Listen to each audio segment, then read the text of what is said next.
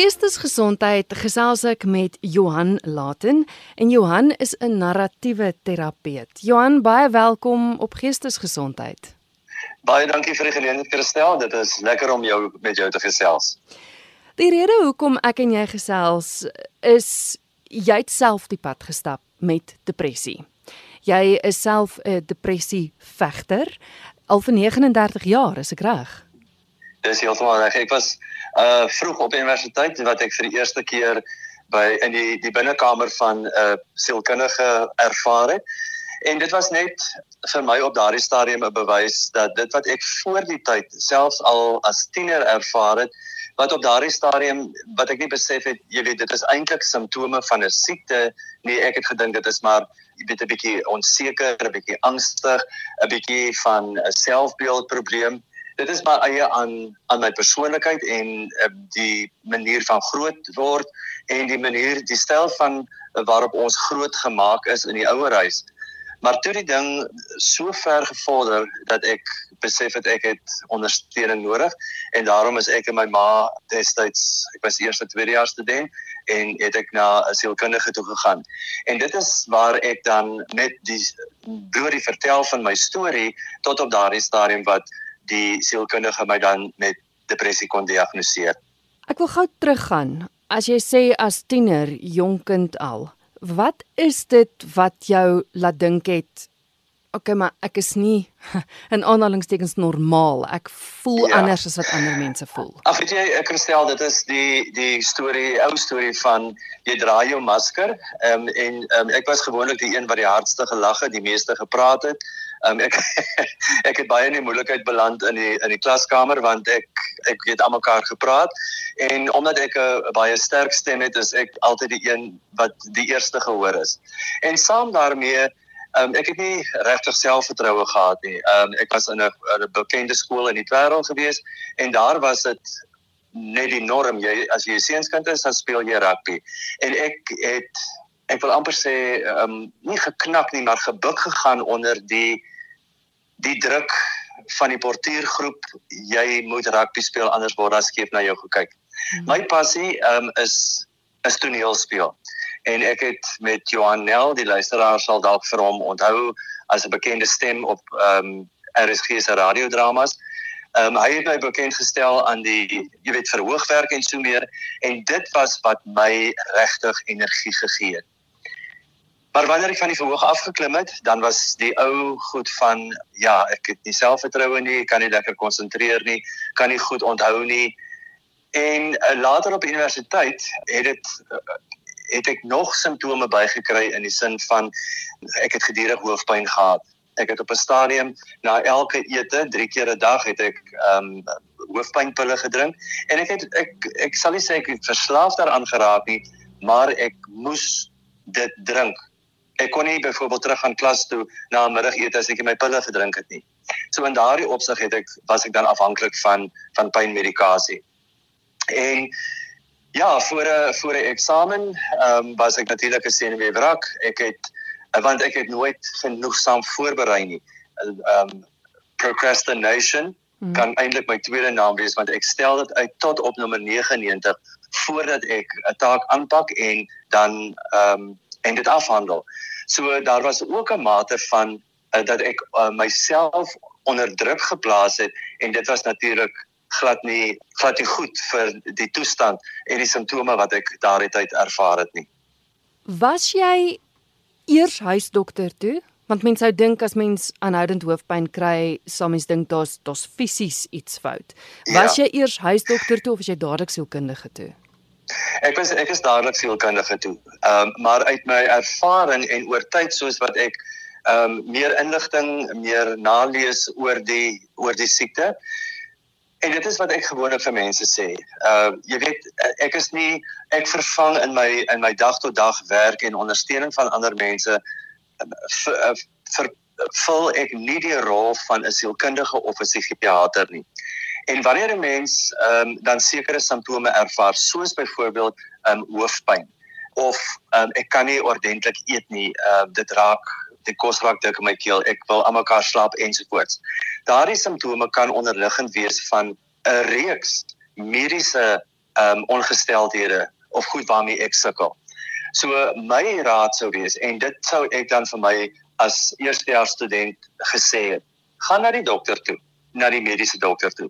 Gaan uh, kry 'n uh, 'n baie goeie uh, deeglike ondersoek van jou kroontjie tot by jou twentjie en dat daar vers, uh, sekere goed wat biologies aanleiding te kan gee tot daardie spesifieke simptome dat dit eers uit die weg geruim kan word. Soos die Engelsman sê that you narrow it down vir vir klein die fokus sodat jy uiteindelik kan sê deur die proses van ehm, eliminering kan ons sê goed, hier is 'n stel vrae, um, jy beantwoord dit en op grond daarvan maak ek dan die diagnose dat jy 'n depressievegter is.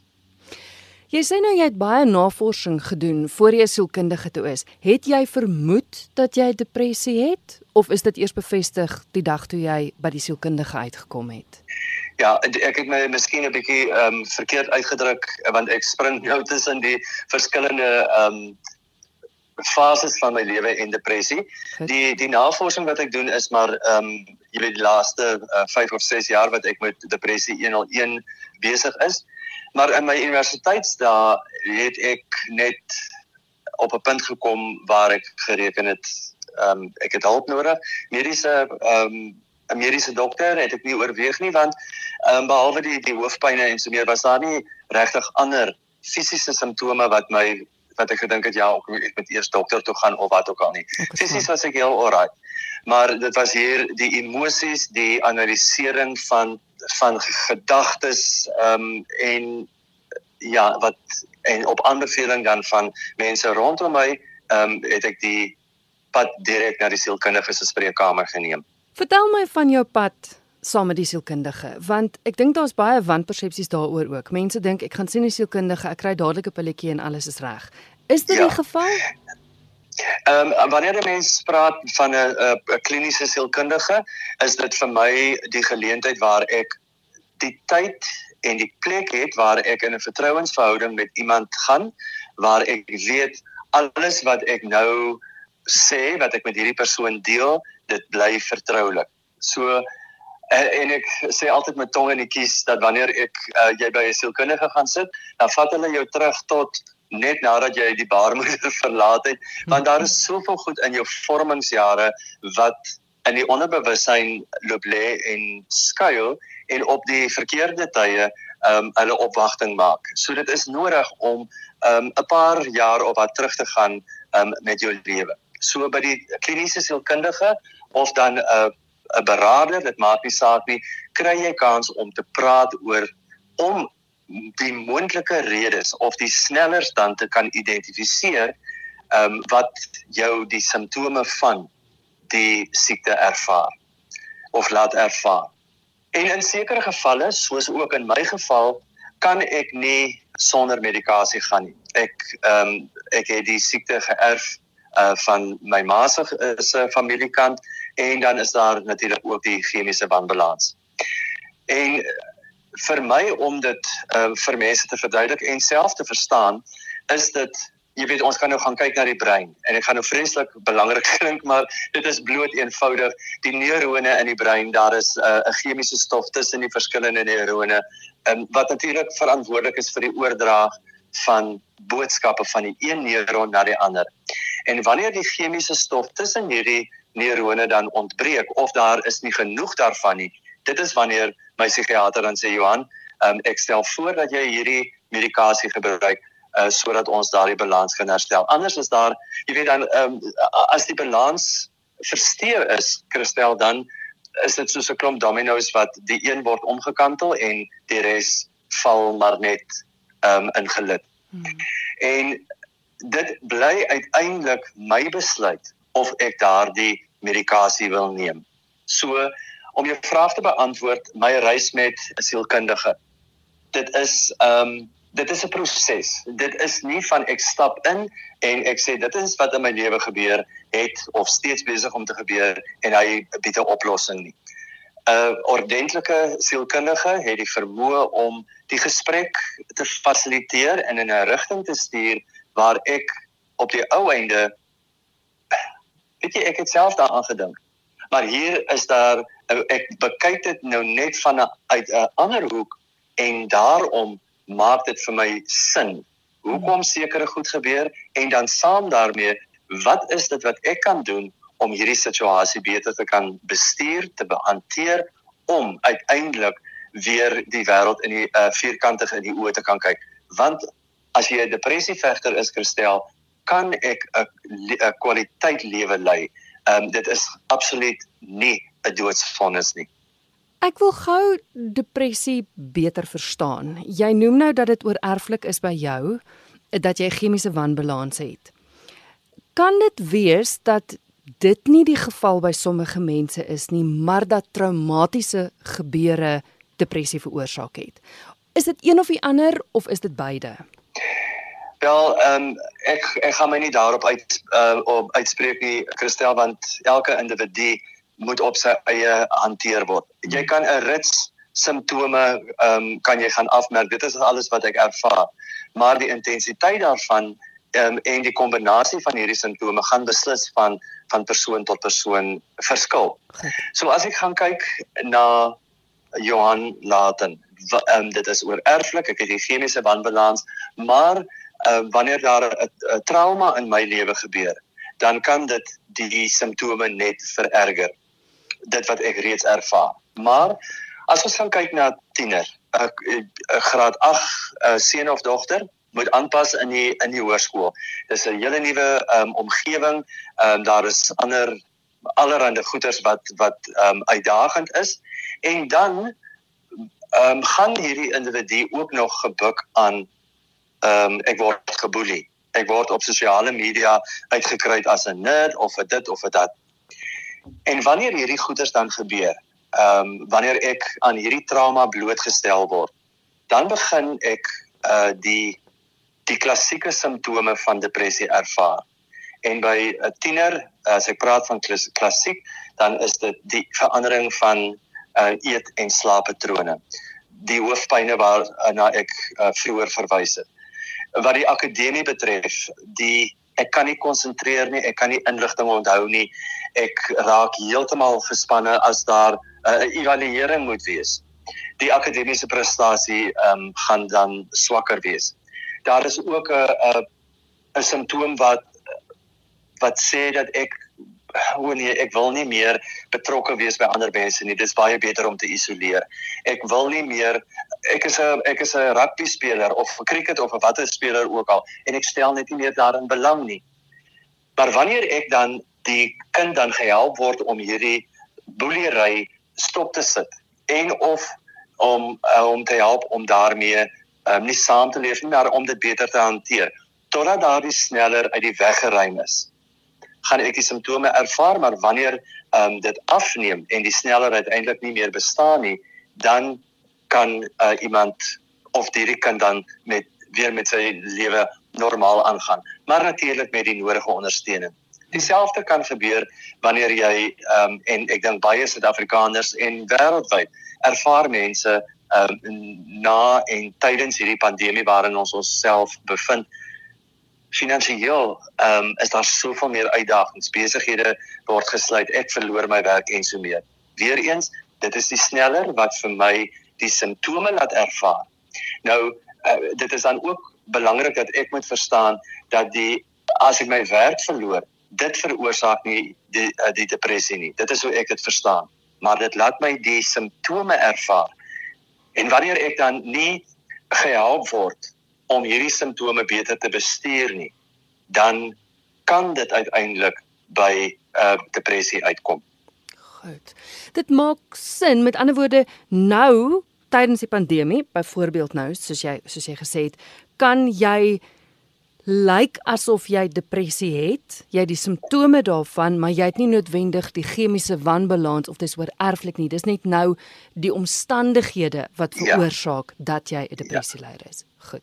Jy, jy is heeltemal reg, man. Dit jy ehm um, ek sê vanoggend vir ehm um, Piet, my psigiater, ehm um, in die ehm um, grendeltyd toe ons nêrens mag gegaan het nie, was dit vir ons as depressievegters Um, ek um, het dit so ervaar my dogter um, is ook 'n depressievegter sy werk in Malta en sy het dit ook vir my gesê um, en dit is dat dit dat ons dit baie beter hanteer het as byvoorbeeld mense wat ehm um, geken word as ekstroverte wat tussen ander mense moet wees om energie te kry om aan te gaan met die lewe om te kan sosialiseer. Mm. Maar wanneer ek dan um, of die mens dan gewoond raak aan die nuwe omstandighede. Almal het al gepraat van die nuwe normaal.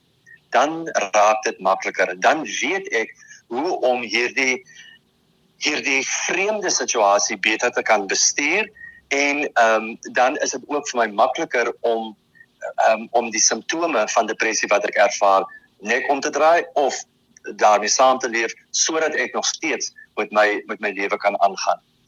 Ehm um, 'n ander voorbeeld is natuurlik wanneer daar ehm, 'n um, egskeiding in die huis is. Uh die die spanning, die ja, wat sal ek dit nog noem van 'n enkel ouer wat alleen oor die weg moet kom en kinders moet grootmaak ensovoorts. En al ek weet daar is 'n um, legio voorbeelde wat ons in daardie kampie kan plaas van 'n paar voorbeelde voorbeelde wat ek nou genoem het.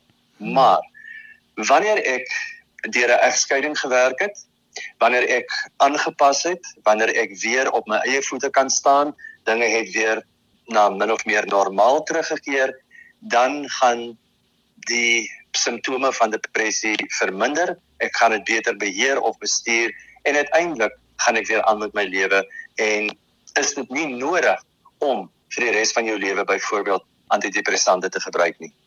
Ek het 'n vraag oor 'n kliniese sielkundige, sielkundige en 'n psigiater. Jy het nou genoem dat jy by Piet jou psigiater was. Op op watter punt gaan mens na sielkundige toe en gaan jy na 'n psigiater toe?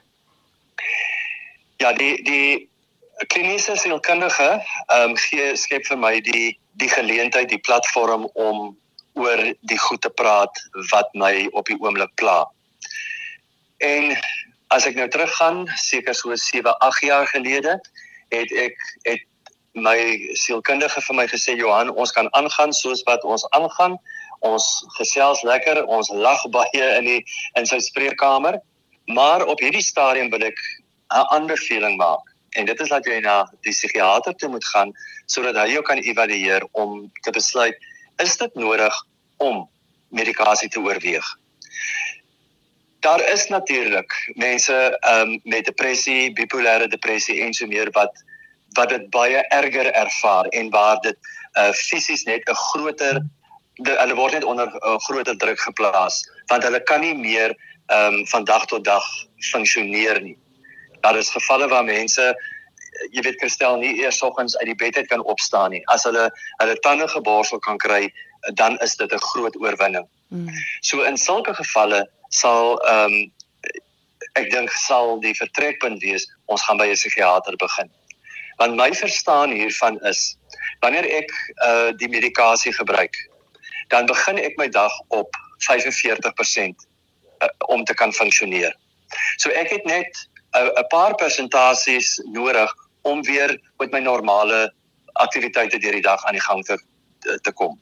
Maar wanneer ek dit nie gebruik nie, dan begin ek uh, met my energievlakke, uh, my manier van dink en doen hier op 5 na 10%.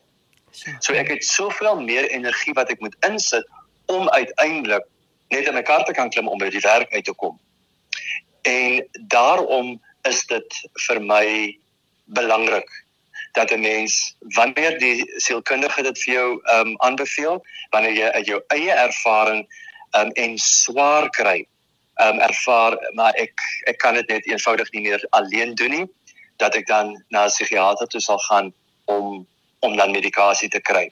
Maar dit is ook belangrik dat ehm um, luisteraars julle moet weet ons almal het 'n keuse of ons hierdie medikasie wil gebruik al dan nie. En weer eens, ek kan nie vir jou sê as jy so en so voel, gaan drink pille nie die jy moet deur 'n professionele terapeut geëvalueer ge word voordat daar medikasie voorgeskryf kan word. Ek wil gou vra die grootste verskil steeds tussen 'n sielkundige en 'n psigiater is die psigiater kan medikasie voorskryf, né? Dis reg. En die die ehm um, die kliniese sielkundige het nie daardie voorreg of kwalifikasie hmm. om dit te mag voorskryf nie. Jy noem nou dat dit bly jou keuse om medikasie te gebruik, maar ek wil tog Ek wil tog dit onder die luisteraars se aandag bring hoe belangrik dit is om daai besluit nie op jou eie te neem nie. Want in sommige gevalle is die medikasie regtig noodsaaklik. Ek ek weet byvoorbeeld van 'n geval eh, 'n uh, seun wat met bipolêre gemoedstoornis gediagnoseer is. Hy was op medikasie. Dit het geweldig goed gegaan en toe hy op die op die wonderlike maniese fase is en dit goed gegaan het met sy loopbaan het hy besluit om sy medikasie te stop. Hy het in so depressie verval dat hy sy eie lewe geneem het. So dit ja. is regtig verskriklik belangrik dat jy dit in samewerking met jou psigiater besluit. Is ek reg?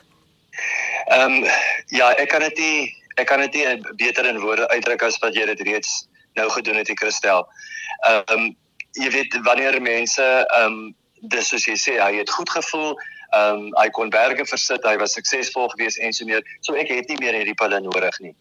En dit is waar baie mense die groot fout maak. Ja, jy kan afgaan van die medikasie, maar in oorleg met die die mediese dokter of dan die psigiater wat hierdie medikasie vir jou voorgeskryf het. En dan is dit ook nie net dat ons kan nou dieselfde, jy weet die dosering net halveer of ons gaan dit nou net elke derde dag drink totdat ons daarmee ophou of wat ook al nie. Dit moet deur hierdie kenner van die medikasie moet jy gehelp word om dit oor tyd uh, van jou jouself van hierdie medikasie te speen. Hmm.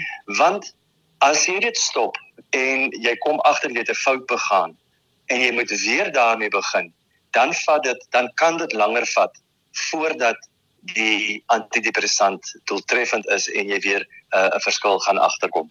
Ek wil hê ons moet gesels oor depressie 101. Dis 'n besigheid wat jy begin het. Hoekom? Ja, depressie 101 is 'n nuwensgewende organisasie wat ek begin het omdat ek uh ek was eers vir jare 'n onderwyser gewees en uh, ek dink die grootste rede hoekom ek in die onderwys uh, vir so lank gebly het was omdat ek ehm um, die ondersteuning ehm um, van van die kinders, van ouers en so meer was vir my op die ou ende belangriker as die vak wat ek aangebied het. En toe het ek 'n draai in die korporatiewe wêreld gedoen. Ek was fasiliteerder daar, 'n projekbestuur gedoen ensovoorts. Maar ek weet daar is 'n behoefte oral in ons land en wêreldwyd waar mense soos wat die jare aanstap net meer en meer ondersteuning nodig het. Ek wens ek het die die regte persentasie gehad of statistiek gehad wat ek met jou kon deel ehm um, verstel, maar daar is 'n groot gedeelte van ons bevolking wat nie 'n mediese fonds het wat vir hierdie ongelooflike duur terapie sessies betaal nie. En hulle word aan hulle self uitgelewer want daar is nie die mense het nie die die kennis die basiese kennis om bloot net simptome by die kind of die ouma of die tannie of wie ook al raak te sien nie. En daarom het ek die die organisasie begin om bewusmaking te doen. So ek gebruik 'n eenman vertoning wat ek geskryf het, #puppet wat ek dan by skole opvoer. Wel, ehm um, ek was nou lanklaas by 'n by 'n skool op 'n verhoog as gevolg van die uitdagings van die koronavirus pandemie. Maar daarin vertel ek ehm um, vir kinders ehm um, uit die oogpunt van 'n onderwyser, hoe lyk depressie? Wat is die simptome? Hoe kan ek dit hanteer? Ehm um, wanneer trek die die siekte vir my rond soos 'n 'n marionet aan touwtjies ensovoorts? En uiteindelik kry die kinders die die boodskap dat dit waarmee ek sukkel, die simptome wat ek elke dag ervaar, dit het eintlik 'n naam. En hierdie naam is depressie wat eintlik 'n siekte is. En dan ehm um, het ek 'n boek geskryf, praat oor depressie met selfdoen aktiwiteite ensovoorts. Ehm um, wat ek in gewone Afrikaans ehm um, geskryf het wat ook deur uh, Piet Oosthuizen geverifieer is. Ehm um, wat ek in enigiemand se hand kan stop. 'n uh, Ouma wat na haar kleinkinders kyk of dit maak nie saak wie nie. Dis dood eenvoudig net die basiese inligting om die siekte te kan verstaan. En dan het jy my aan die begin van die program voorgestel as 'n narratiewe ter ter terapeut. Ek het die kursus gedoen want baie kere vra mense vir my ag wil jy nie met my kind praat uh, want dit en dit en dit is wat ons ervaar nie. En ek het uh, die behoefte gehad om net jy weet 'n bietjie meer struktuur aan die gesprek te gee. En dit is waar die narrative therapy ingekom het. En dis presies wat die naam sê. Jy vertel jou storie en die terapeut aan die ander kant en dit is waar ek vir mense ondersteuning kan bied. Hulle kry die geleentheid om net te kan gesels. Ja, as jy as jy 'n huweliksmaat of 'n lewensmaat het, jy kan met hom of haar hierdie inligting deel. Maar Christel, jy weet tog jy ehm um, 'n mens kan nie altyd alles vir jou jou uh lewensmaat vertel nie want o ek kan nie dit sê nie want hoe gaan sy daarop reageer en dan maak dit weer ander emosies wakker ensovoorts. Hmm. Maar in die geselskap uh, in my gesprekke kom ek agter dat mense hulle kan net hulle hare laat hang en hulle kan net praat en na 'n paar sessies kom ons op 'n punt waar ja, die reis vir hulle ehm um, duideliker is waarheen hulle op pad is, hoekom sekere goed gebeur het. So, depressie 101 in 'n neutedop is ehm um, ondersteuning, bewusmaking en ehm um, ek ervaar dat dit elke dag belangriker word vir mense om daaroor te praat. En ek probeer baie hard om vir mense te sê, praat daaroor, dis niks om oor skaam te wees nie. Ek gesels met Johan Laten, hy is narratiewe terapeut en ons gesels oor depressie, sy eie pad met depressie en dan ook depressie 101 wat hy begin het. Johan, baie interessant. Jy lê baie klem op die feit dat depressie 'n siekte is. Is ek reg as ek sê dat daar nog steeds soveel wan wanpersepsies is rondom depressie? Ongelukkig ja. Ehm ek het nou al die afgelope tyd die stelling gemaak dat ek hoop en eintlik glo ek dat mense um, en kom ons praat net oor ons Suid-Afrikaners na die ervaring wat hulle wat ons almal gehad het met die met die grendeltyd dat ons hierdie ehm um, simptome, hierdie verandering in ons koppe ehm um, aan eie lyf ervaar het en dat ek makliker nou oor hierdie goed gaan praat want ek as 'n um, individu het 'n verwysing ek het dit nou self ervaar so ek kan daaroor praat. En dan is dit makliker, veral as ons as ons die die ding self in ons lyf ervaar het, is dit is dit ook makliker om daaroor te praat. Hmm. Maar in baie besighede, baie organisasies, in skole, nee, dit is 'n dis 'n taboe onderwerp. Uh, daar is nog baie mense wat sê die ou klisjées van ruk jou reg. Weet jy jy het tog so baie om voor dankbaar te wees daar is baie mense wat uh, baie swaarder kry as jy. Dit is absolute sner. En daarom is dit ons wat elke dag met hierdie siekte saamleef, uh wat dit aan eie lyf ervaar. Ons met die ambassadeurs raak vir die ander depressievegters. Want weet jy, uh Christel, die mense wat nog oningelig is, wat hulle kan ek sê half distansieer daarvan en nie wil erken dat daar so iets is en dat ek miskien self daaraan uh, blootgestel word nie. Ons moet vir hulle gaan sê, dit is hoe dit dit is hoe dit werk, dit is hoe dit lyk en ehm um, dis 'n siekte. Uh, net soos wat mense kanker het, is depressie 'n siekte. Ehm um, soos wat iemand asma het, is depressie 'n siekte. En ja, uh, dit is iets waarmee ek moet saamleef. So my my grootste wens en behoefte is is dat mense sal besef daar is hulp, daar is ondersteuning, daar is jy kan gehelp word, maar ons moet wegbeweeg van hierdie wanpersepsie en en daaroor begin praat. As ek my been, as ek geval het en my knie ernstig seer gemaak het, bly ek nie stil en en maak asof alles hankie dory is nie. En dieselfde professor Zed Rabbe van Universiteit Stellenbosch Ehm um, sy sê altyd as jy bereid is om met enige pyn of skeet na 'n dokter toe te gaan van dit wat onder die nek gebeur, dan moet jy des te meer aandag skenk aan die pyn, die swaar wat jy ervaar bokant jou nek. Ja, ehm um, Christel, soos wat jy wonderlike werk doen om mense ehm um, rondom geestesgesondheid in te lig, so moet ons hande vat en ons volk ehm um, 'n bietjie opvoeding gee in hierdie in hierdie siekte. Ja, dit voel vir my in die werksplek. Mense kry dikwels nog daar swaar want jy kan inbel as jy gediagnoseer is met kanker om te sê, "Ja, ek voel vandag regtig sleg as gevolg van die chemoterapie." En dis asof daar meer simpatie en empatie is op daai vlak as as wanneer ja. jy as depressieleier inbel. Dis dis regtig asof daar nog steeds 'n verskeidelike onderskeiding is tussen depressie as siekte en enige ander siekte. Mense bly dikwels stil daaroor omdat hulle anders hanteer word. Dis heeltemal reg. Ehm um, bloot ehm um, ek dink die die die belangrikste feit in daardie verband kristel is dat ek bly liewer stil want die mense rondom my, hulle verstaan nie wat mm. ek waarvan ek praat nie. Hulle verstaan nie hoe moeilik dit is om kop bo water te hou um, in die werksituasie nie.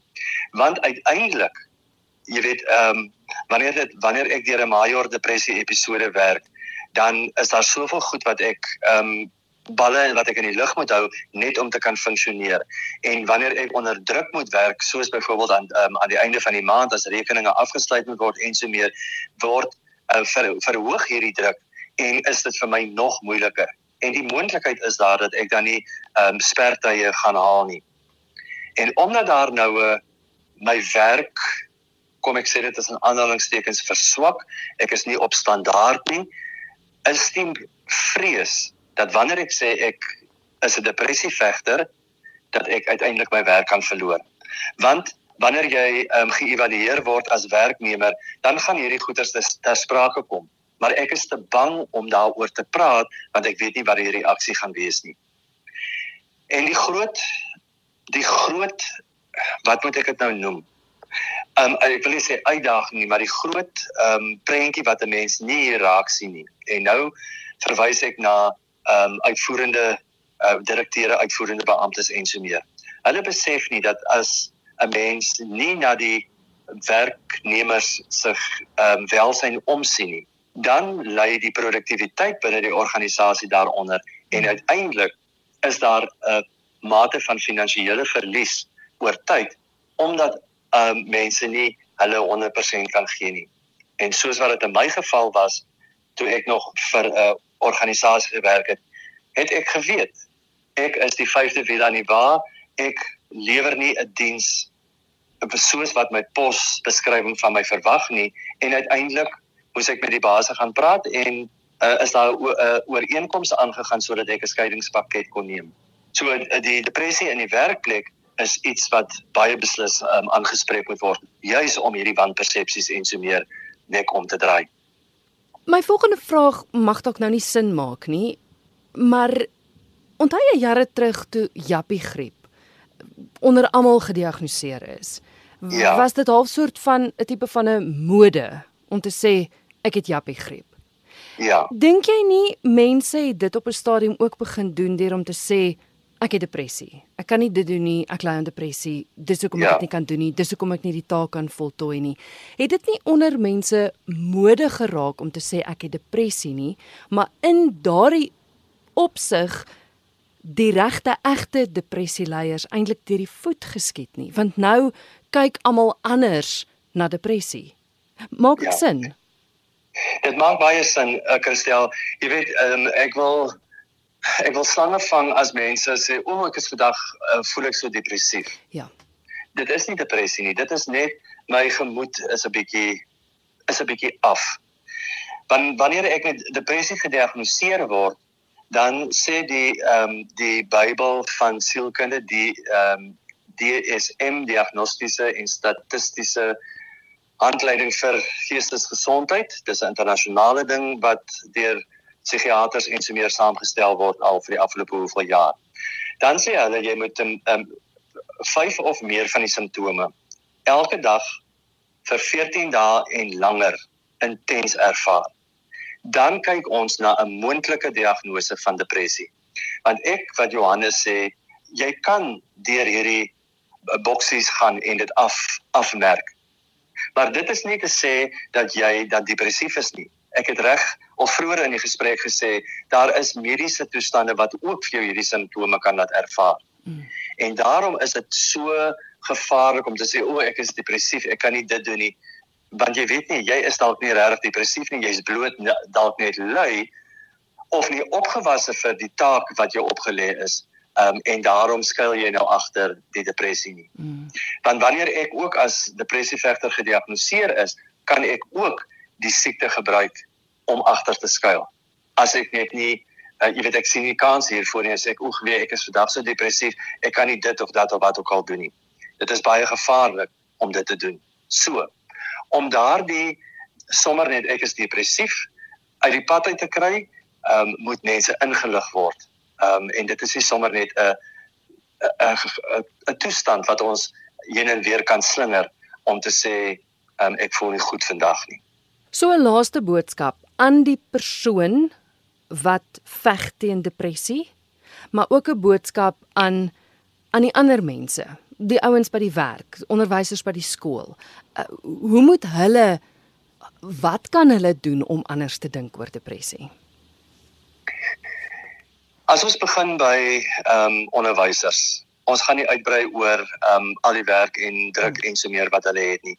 Maar ek dink elke liewe onderwyser, elke persoon wat met 'n tiener werk, moet veral in vandag se tyd daarom ten minste net weet wat is die simptome.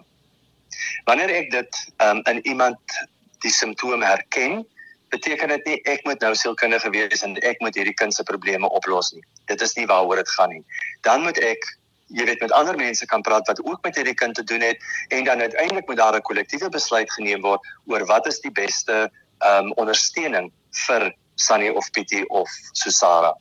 Ehm um, dit moet ook ehm um, jy weet self onderwysers gaan deur baie moeilike uh, tye ehm um, verlede jaar met die verskillende sessies en dan is die skool aan en dan hulle moet ook na omgesien word. Soos ook in enige besigheidsomgewing moet mense die geleentheid gegee word om in privaatheid vertroulik met iemand oor hierdie goeders te kan praat. As jy nie gebuk gaan onder hierdie uh, hierdie siekte nie, maar jy dalk iemand in die huis, ehm um, soos in ons geval, dan moet die ondersteuner ook weet wat aangaan. Mm. My vrou het byvoorbeeld eers 10, 15 jaar nadat ons uh, getroud is, regtig begin agterkom omdat ek my mond oopgemaak het en gesê het hoekom ek voel soos wat ek voel. So dit is basiese inligting. Dit is opvoeding en dit is ons moet erkenning gee dat dit wat ek al oor en oor in die gesprek gesê het, depressie is 'n siekte. Dit is nie 'n ruk jou reg wat ook al nie, maar daar kan iets aangedoen word. En ons kan net mekaar help Ehm um, Christel, jy kan net vir my ondersteun wanneer jy weet wat in my kop aangaan. Ja. En jy gaan nie dit weet as ek my mond toe hou nie. So praat. Ek dink dit is vir my so jy het gesê daai boek wat jy geskryf het, praat oor depressie. Ons moet mense aan die praat kry. Hm. Ja. Johan, kan luisteraars jou kontak sou hulle meer wil weet, jou boek aan die hande kry, meer wil weet oor depressie 101, kan hulle jou kontak? ja, ek dit sal 'n groot lekkerte wees om uh, kontak uh, met mense te kan maak. Ehm uh, my selfoonnommer is 084 850 1140. Stuur vir my 'n WhatsApp boodskap en ons vat die gesprek van daar af of uh, jy stuur jou e-pos adres na Johan by depressie101.co.za.